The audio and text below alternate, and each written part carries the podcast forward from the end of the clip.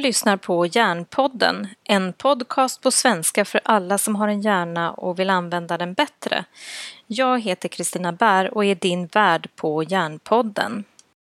De 25 första avsnitten av Hjärnpodden finns nu bara på min hemsida exist.se och du hittar hur du kan få tag i de här genom Hjärnpoddens arkiv eller genom webbutiken.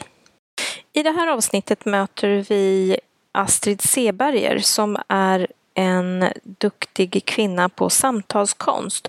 Och jag fick tipset av eh, en läkarkollega att Astrid verkligen har satt sig in i det här med samtalskonst för att bygga förtroende och tillit med patienter. Så häng med oss in och lyssna på vad Astrid har att berätta.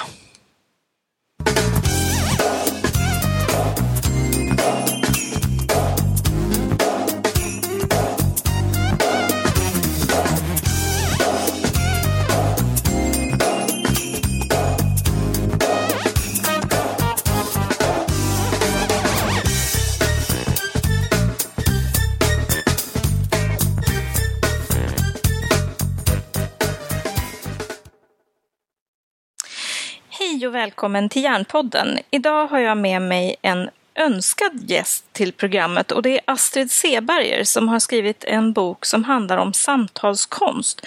Och den här boken kom för flera år sedan. Eh, men det ska bli väldigt spännande att se hur vi kan använda det här materialet fortfarande. För det är ett universellt eh, ämne, tänker jag. Välkommen Astrid! Tack så hjärtligt. Eh, berätta, vad har du för bakgrund och vad, hur kom du in i det här? Ja, jag är läkare. Jag är njurmedicinare eh, på Karolinska Universitetssjukhuset. Eh, jag är också forskare. Eh, jag är docent vid Karolinska institutet. Och som läkare har jag alltid haft ett stort intresse av hur man talar med patienter, hur man bemöter patienter. Sen eh, 2007 så fick jag också uppdraget att bygga upp och leda en strema i den nya läkarutbildningen på Karolinska institutet, professionell utveckling där samtalsmetodik, ska vi kalla det för, samtalskonst eh, spelar en viktig roll. Mm. Det är även andra ämnen som ingår som medicinsk psykologi, medicinsk etik, juridik, eh, eh ja, interkulturell kommunikation och så vidare. Mm.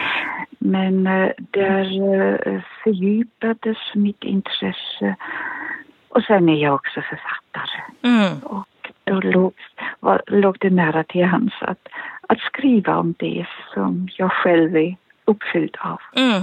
Och det jag har fått tipset, eller hur jag fick tipset om dig, det var ju genom tidigare studenter som nu är verksamma läkare och som har frågat om att du ska vara med i podden. För de tyckte det här mm. gav så stort intryck. Vad roligt. Mm. Och då tänker jag, hur, hur kom det sig att du började intressera dig för samtalskonst? Um, ja, jag har alltid varit intresserad av att samtala. Um, det kan bero på min far och min morfar som var nyfikna människor uh, som gärna ville ehm, uh, jag förstå hur andra människor tänkte, hur andra människor kände och som också ville utsätta sina egna uppfattningar för, för en prövning. Och man prövar ju sina övertygelser när man talar med andra människor. Eh, så jag, jag har alltid haft eh, den här nyfikenheten som de hade och velat förstå människor. Ja, och då när, när du fick eh, Eh, tillfälle att utveckla det här och skriva den här boken, vad är det du har hittat som är viktiga komponenter i samtalet? Vad är det som gör ett samtal? ett samtal, eh, ett samtal, ordet sam betyder ju att man eh, verkligen talar med varandra. Att man verkligen har en kommunikation och eh, då krävs för det första att man är närvarande. Att man inte är ja, med tankarna uh, i någon annanstans och det är väldigt lätt inom sjukvården idag. När arbetstakten är väldigt hög då tänker man kanske på allt som man ska göra sen, alla patienter som väntar, alla remisser som ska skrivas, alla intyg uh, och uh, det förstör förstås möjligheterna till en bra kommunikation. Man måste vara närvarande. Man måste lämna allt det som man ska göra sen och mm. bara finnas till för patienten.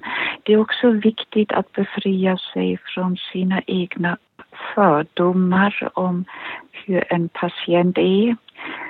Eh, det är också viktigt att kunna lyssna, att kunna lyssna inte bara på orden utan på eh, ja, rösten, på röstklangen, på allt det som utgör den icke-verbala kommunikationen.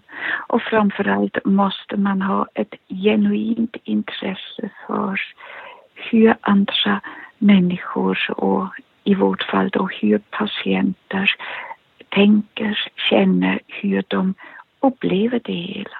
Mm. Att man kan försätta sig i patientens situation och förstå vad sjukdomen betyder för patienten. Mm. Och det, när jag hör dig prata så, så tänker jag ju tillbaka på min egen eh, bakgrund och karriär eh, som läkare. Jag började plugga 93 och det är ju mm. några år sedan. Men jag tycker att eh, risken när man utbildar sig är att man lär sig så mycket fakta. Eh, så att man processar den här faktan eh, om man inte i samtalet är helt närvarande. Mm. Eh, och sitter liksom och processar den här informationen istället för att lyssna på ledtrådarna som jag sen kan använda i processen i ett annat rum. Mm. Jo. I alla fall ett mentalt rum, tänker jag. Ja. nej, och det, det är självklart under en viss tid, under en viss period i utbildningen så är man väldigt uppfylld av det medicinska och har svårt kanske att ta emot det andra.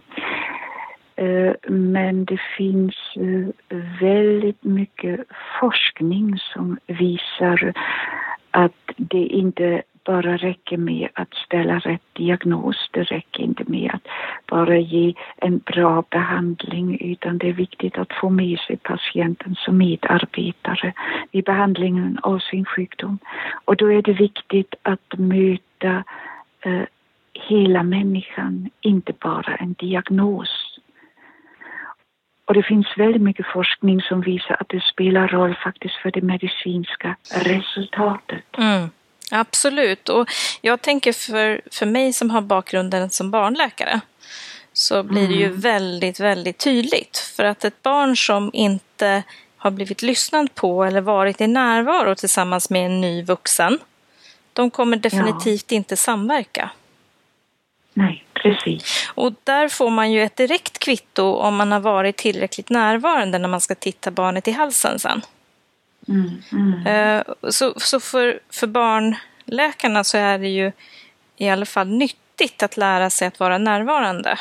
För att annars så får man problem när man ska jobba. Det blir mycket mer barn som ja. är olyckliga när, man, när man jobbar. Mm. Men för vuxna så tenderar vi att glömma det här, att, att det är samma magi med närvaron med vuxna. Ja, jag tror att det fortfarande är så att vi tror att eh, läkaryrket är ett rent medicinskt yrke. Mm. Eh, internationellt sker ett paradigmskifte och på ett sätt har det också nått Sverige för I alla medicinska utbildningar idag finns det ju någonting som eh, kallas för professionell utveckling där samtalet spelar en roll.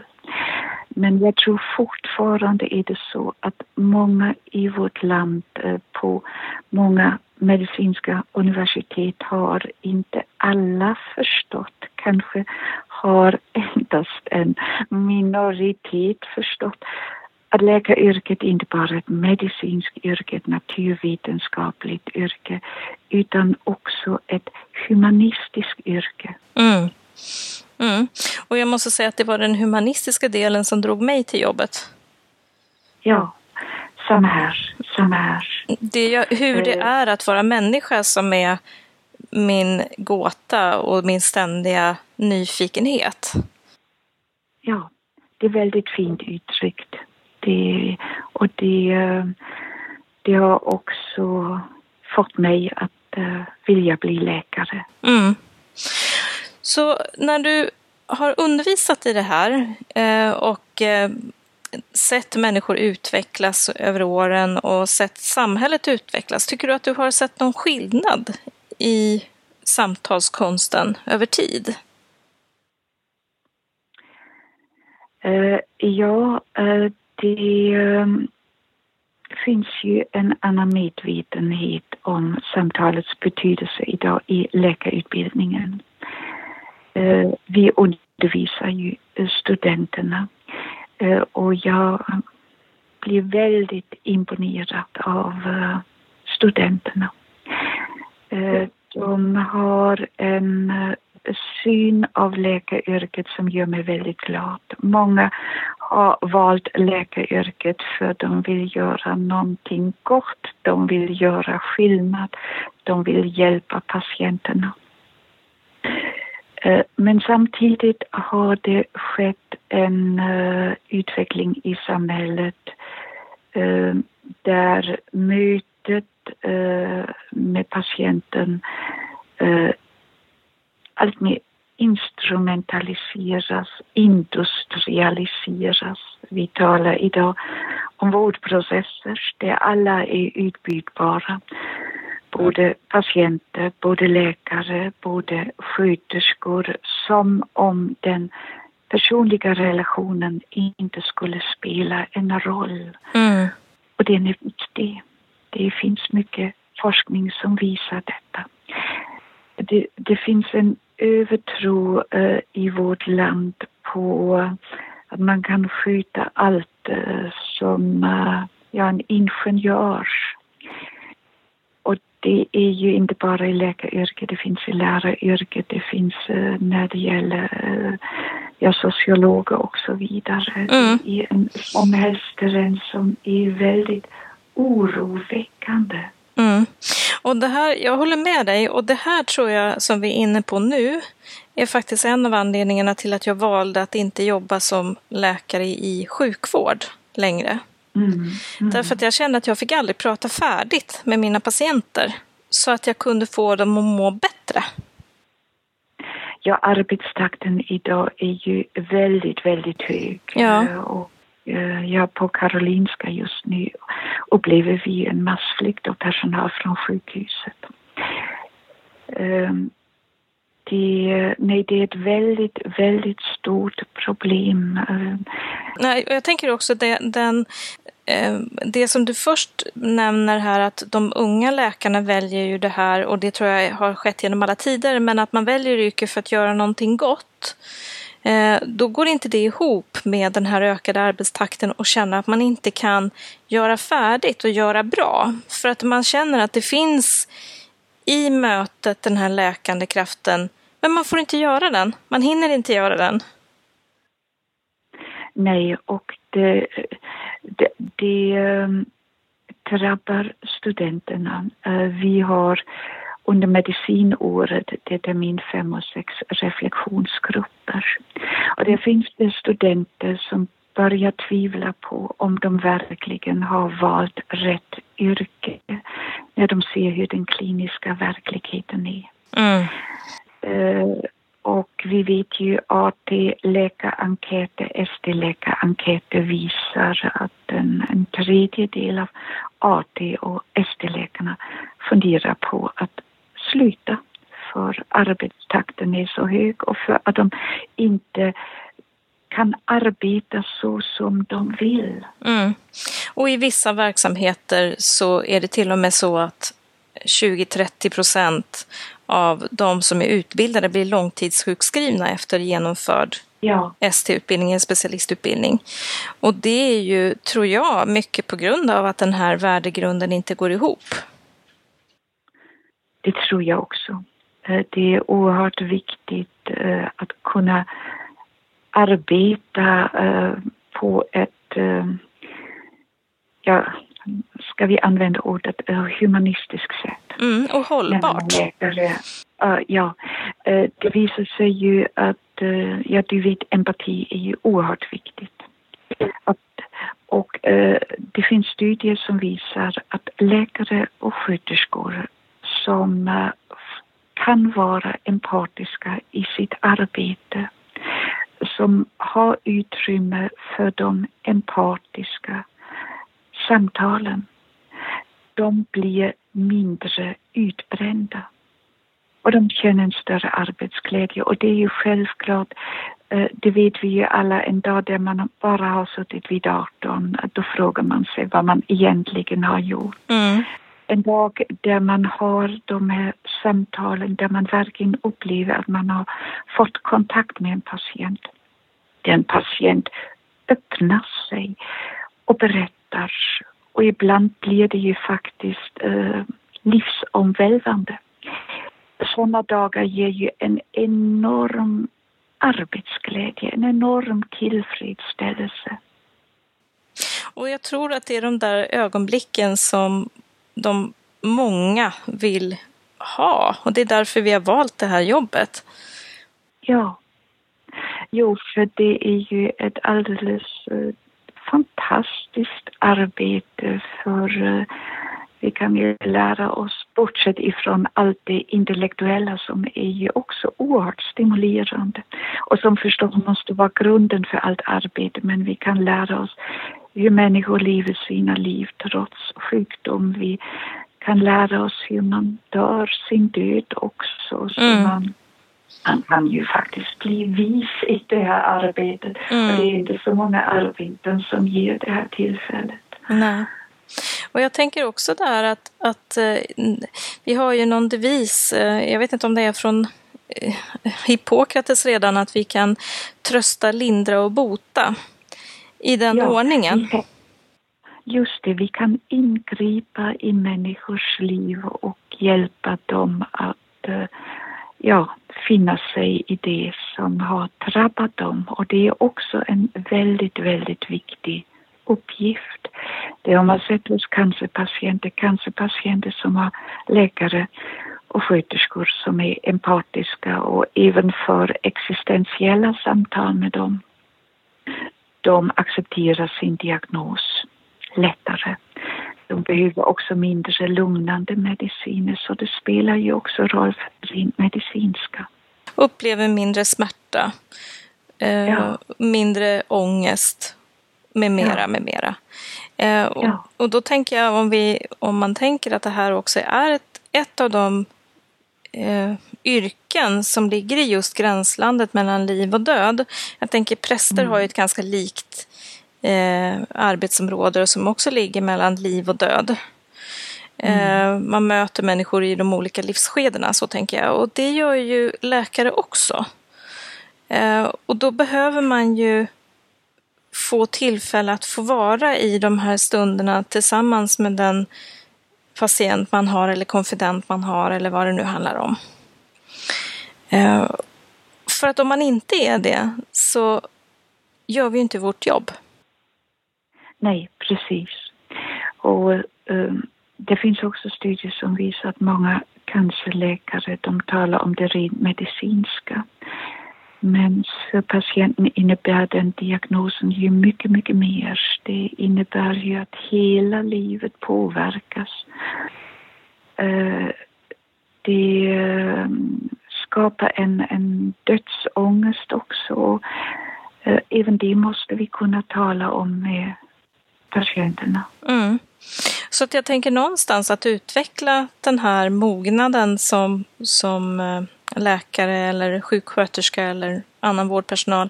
Att våga vara i det där som vi faktiskt inte kan göra någonting åt. För allt kan vi inte bota. Nej, nej. Och den insikten krävs ju. Eh, och, ehm, eh, för, men för att kunna föra sådana här existentiella samtal med patienterna så måste man ju också ha mött sin egen dödlighet eh, när man möter när man för sådana här samtal så väcks ju även ja, ens egen uh, ja, dödsångest ibland. Uh, och därför har vi nu inom den här nya läkarutbildningen på Karolinska institutet en hel dag som handlar om döden, inte bara den medicinska döden utan hur vi själva ställer oss till döden, vilka förhållningssätt det finns. Mm. Och eh, jag brukade säga att jag, jag tycker att döden är den värsta missen i skapelsen. Jag skulle gärna vilja vara odödlig. Jag tycker det är förfärligt att jag ska dö, mm. mina barn ska dö. Är en ännu uh, förfärligare tanke. Mm. Och, och, så talar vi om detta hur man handskas med, med sin dödsångest och det är en dag som uh, studenterna tycker väldigt mycket om. Mm. Och jag tänker att om vi bara backar 100 år eller 150 eller 200 år i, i historien så ingick ju en hel del eh, teologi i läkarutbildningen precis som en viss del medicin ingick i teologiutbildningen. Och ibland så kan jag tänka ja. att det där har verkligen det är verkligen någonting som är tabu nu, att man får inte liksom lägga ihop de här sakerna, det är antingen eller. Eh, och jag tror att det är en miss, faktiskt. Jag tror att det är någonting som är dumt. Jag tror att vi behöver bägge delarna på något sätt att förhålla oss till. Jag tror att det är väldigt viktigt att studenterna får höra om olika förhållningssätt, eh, hur man kan eh, förhålla sig till döden och också hur um, förhållandet till döden ändras uh, under ett långt yrkesliv. Mm. Eh, det berättar jag om, om, om eh, min egen dödsångest. Jag var väldigt rädd för att dö eh, när jag var ung, redan när jag var barn. Min far hade en vän som var läkare och det hade jag hört att man kan återuppliva människor. Mm. när jag var barn så la jag ofta min hand på mitt lilla bröst för att känna hjärtslagen så tänkte jag att om hjärtat stannar då ska jag ropa högt så jag blir återupplivad. Oh. ja, och sen när jag blev läkare, jag Eh, när jag var färdig läkare så var det ju, eh, vilket är ju helt irrationellt, men som många kollegor har upplevt, man finns på andra sidan. Mm. Det är patienterna som blir sjuka och dör, medan man själv är den som hindrar dem från att dö. Det finns ju kollegor som har sökt alldeles för sent just för att de har haft den här irrationella föreställningen. Inte intellektuellt inser man ju att det är väldigt dumt. Mm. Och sen tänker jag också att kanske eh, få svårt att acceptera när vi faktiskt inte kan hindra döden. Det finns ju ja. tillstånd och tillfällen när vi som läkare kan vara hur eh, kunniga som helst men vi kan fortfarande inte hindra döden. Nej, och det finns ju tyvärr kollegor som aldrig kan acceptera det. Nej, och det leder ju till en bitterhet och också en, en orealistisk bild av sig själv som jag delvis arbetar med faktiskt. Det är ju där någonstans jag befinner mig nu, att försöka få människor att anpassa sitt verklighetskrav på sig själva. Ja, ja. Nej, och det är ju en lika viktig uppgift som vi har eh, inte bara att bota inte bara att lindra utan också när ingen bot finns att hjälpa patienterna att dö en så god död som möjligt. Mm. Mm. Och då måste vi kunna våga föra de här samtalen som idag med modernt uttryck kallas för brytpunktssamtal. Mm. När ingen bot längre finns. Mm. Just det. Och jag tänker också leva med den, eh, vad ska man säga, inneboende känslan av brist hos sig själv.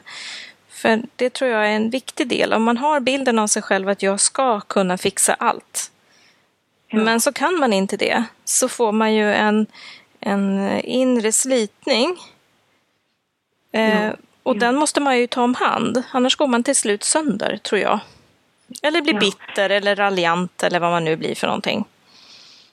Ja, och det tror jag är väldigt viktigt att förmedla redan under utbildningen att vi inte kan bota allt men att vi ändå kan göra en insats även när ingen bot finns. Mm. Ja, verkligen. Och jag har eh, kommit i kontakt med, eh, eh, vad ska man säga, vård i livets slutskede vid några tillfällen. Och jag måste säga att det är en enorm tillfredsställelse att se de här bemötandena Eh, när man ser att det blir sådär genuint närvarande och äkta. Det är, ja. det är så... Alltså, det är nästan magiskt, skulle jag säga. Oh ja. Eh, jag instämmer. Som njurmedicinare eh, har jag ju suttit vid många dödsbäddar. Eh, mortaliteten hos dialyspatienter är fortfarande hög trots alla framsteg vi har gjort inom njurmedicinen. Nästan 20 procent är den årliga mortaliteten. Eh, så eh, jag har sett många patienter dö och jag har fört många samtal med dem om döden och eh, eh, när man vågar föra de här samtalen så kommer man ju en människa väldigt nära. Det är väldigt, eh, ja, uppriktiga samtal. Mm. Eh, som har gett mig ofantligt mycket. Mm. Det är verkligen en utveckling även som vårdgivare. Man får ynnesten att gå igenom skulle jag säga. Ja, ja nej, det är ett fantastiskt yrke. Mm. Så vad, vad ser du för framtiden eh, med eh, vad är de stora utmaningarna för att vi ska kunna få fortsätta ha en bra vård och också kunna rekrytera till vården? Ja, jag tror för det första är det eh, oerhört viktigt att vi återigen får syssla med det som vi är utbildade för. Idag har vi ju en administrativ överbyggnad som tar en stor del av vår arbetstid. Det har ju även Göran Stiernstedt konstaterat som ju har uh, utrett sjukvården uh, på den gamla regeringens uppdrag. Uh, det är väldigt viktigt att Eh, vi får eh, möta patienten som en människa, inte bara som en diagnos. Och det finns ju nu någonting som kallas för personrelaterad vård, så det finns en, eh, ändå en, en ehm, ja, medvetenhet och en vilja att förändra sjukvården. Mm så att vi återigen kan, kan ha en helhetssyn på patienterna. Ehm, ehm men det finns ju fortfarande ehm, många strukturer som motarbetar den här synen. Men ändå är jag optimistisk för det finns en sån längtan hos så många. Jag har ju rest omkring mycket och föreläst i hela landet. Det finns en längtan efter att få skjuta patienterna igen på ett eh, gott och kunnigt och empatiskt och etiskt sätt. Och jag tror ändå att det måste bli en ändring för just nu ser vi ju hur um, personal flyr från sjukvården för, för att överleva helt enkelt. Mm. Ja, och jag ser det också och jag eh, tänker att man kan under en period eh, ta hand om sig själv i, i förhållande till arbetssituationen, men det går inte hur länge som helst om, om strukturen och organisationen inte fungerar. Det är till slut ett, ett strukturellt och organisatoriskt problem som måste till för att man ska kunna få utrymme att trivas. Du har alldeles rätt och eh, hos eh, oss inom sjukvården finns det ju en vilja att eh, hjälpa patienterna. Även om organisationen försvårar för oss. Vi går ju väldigt, väldigt långt i, i, i vår ambition att ändå uh, ge en bra sjukvård. Jag ser det nu på Karolinska där det är ju oerhört svårt att arbeta. Uh, men ändå försöker personal ställa upp men det finns en gräns. Den gränsen verkar vara nådd. Ja, och jag tänker också att många människor då hamnar i en utmattningssituation och då blir ju många människor sjukskrivna helt i onödan. Ja, um, visst. Och det är ju, tycker jag, ett, en kapitalförstöring som är katastrofal. Ja, det, det, det är förfärligt. Mm. Också att så många slutar för att lära upp nya personer. Det, det tar tid. Mm. Ja, det gör det. Det, tar tid. Enorm kompetensförlust mm. och det är också uh, ja, en mänsklig katastrof. Mm. Jag tänker, och, tänker den här tidsaspekten som du tar upp, det är inte så att man kan börja utbilda hundra nya läkare idag och ha dem i arbete imorgon, utan det är ju en tid, eh, omloppstid för att man ska kunna bli självständig är ju nästan tio år. Ja. Eh, I slutet av ST börjar man ju kunna bli skapligt självständig. Men den mm. djupa mm. erfarenheten den kommer ju inte förrän efter man har varit specialist under flera år. Eh, ja. Och då är ju omloppstiden kanske 12-15 år innan, innan man har fått någon effekt av de insatser vi gör idag. Mm. Så därför behöver vi behålla de vi har och se till att de trivs, tänker jag. Ja, ja det är livsviktigt. Och där är det ju väldigt oroligt att så, äh, väldigt oroskapande att så många vill sluta. Mm, verkligen. Ehm, och, och jag tänker utifrån situationen att det ändå är så pass så att säga, belönande att ha goda samtal. Eh, vad skulle du vilja skicka med i en önskevärld till unga människor som funderar på att arbeta i vården eller skolan eller med samtal? Um, att um,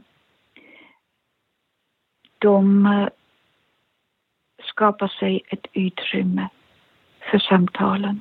Mm. Att de uh, bevarar den bilden som har fått dem att söka sig till, ett, till läkaryrket eller till sköterskeyrket. Nämligen att uh, ta hand om människor, inte bara om diagnoser. Mm. Att de försöker bevara den. Att de be försöker bevara övertygelsen att eh, vi alla är ansvariga för att en god sjukvård bedrivs. Det betyder inte att vi alla behöver bli sjukvårdspolitiskt aktiva men att man på den enheten där man verkar försöker bedriva en så god sjukvård som möjligt. Och att man alltid, alltid försvarar de mänskliga rättigheterna. Även om samhällsutvecklingen går åt ett annat håll. Mm, jag håller med. Och att, vi, och att vi verkligen bryr oss om patienterna. Mm. Finns det ett inslag att man behöver bry sig om sig själv? Ja, jag tror att just när man uh, kan bevara det här utrymmet för samtalen uh, så kan man undvika att bli utbränd. Eh, jag har eh, ju hand om svårt sjuka patienter. Ändå har jag aldrig känt att jag har varit på väg att bli utbränd just för de här samtalen har gett mig så väldigt mycket. Det är svårt förstås eh, när man är ung läkare men om man också har familj och barn som måste hämtas på dagis och så vidare. Men då ska man söka sig till kliniker där man har den här synen för det finns fortfarande sådana kliniker. Mm, så det gäller att välja klokt helt enkelt så att man också väljer bort om man märker att man inte får utrymme? Ja, och eh, man ska också välja kliniker där det finns utrymme för samtal. Inte bara patient, med patienterna utan också med kollegorna. Mm, Ett gott kamratskap är också livsviktigt. Mm, ja, men precis. Och jag, jag tror också att den där eh, kollegiala samtalet är viktigt och det kollegiala stödet. Eh, om vi ja. inte har, har tillfälle att få det eh, av någon annan som kan ge ett hållande, en, en, vad ska man säga, en bild av eh, att det är tillräckligt det jag gör. Mm. Eh, ja. Så tror jag att man har en risk att eh, gå vilse. Tror jag också. Och det är ju så, vi är ju inga övermänniskor. Det Nej, verkligen inte. fortfarande en övermänniska, människobild inom läkaryrket. Men vi har ju alla vår dagsform och ibland eh, fattar man beslut som kanske inte är så bra. Det gör vi alla. Och då är det väldigt viktigt att ha någon att diskutera med, att ha någon som eh, eh, ja, reflekterar tillsammans med en och som får en att förstå att eh, ja, det, det, det är good enough. Mm. Och jag tänker också en del när jag, när jag var yngre och vi var eh, ja, flera stycken som var, var i utbildningsfasen. Det kunde ju hända att man har gjort helt rätt, men patienten ja. dör i alla fall. Just det. Ja. Och det måste man ju också lära sig att leva med. Alltså, man behöver någon som berättar att ja, men du har gjort det du kunde. Ja, ja. Nej, och det, det finns ju någonting eh, som eh, är väldigt viktigt att ta upp under läkarutbildningen och det tas fortfarande upp för lite. Vi lär, eh, många lär ju ut, eh, ja du vet alla dessa algoritmer, eh, riktlinjer och så vidare och det är bra att de finns, inte tala om mm. annat. Men det finns alltid en osäkerhet. Vi vet aldrig säkert hur det går för den enskilda patienten. Även om vi har gjort rätt, precis som du säger. Och det är väldigt viktigt att man förmedlar den känslan och, äh, att man lär sig att umgås med den här osäkerheten. Mm. Och att det också eh, sätts på sin spets just i läkaryrket. Men det är ju samma osäkerhet tror jag som eh, vi människor behöver förhålla oss till i livet. Vi kan inte få några garantier. Eh, men i läkaryrket så står vi inför de här sakerna varenda dag. Ja, och det måste man uh stå ut med mm. att den osäkerheten finns. Ja, jag instämmer helt. Eh, Astrid, det har varit ett jättetrevligt samtal. Finns det någonting som jag har glömt att fråga dig som du tycker känns viktigt att förmedla? Nej, jag tycker att jag har fått med det viktiga. Mm. Jag vill också tacka dig för ett fint samtal. Mm, tack så mycket och eh, jag hoppas att vi kan höras igen i podden vid ett senare tillfälle för det här är ett område som man kan stöta och blöta i olika sammanhang. Ja, jag ställer gärna upp. Mm. Tack så mycket Astrid. Ja, tack ska du ha.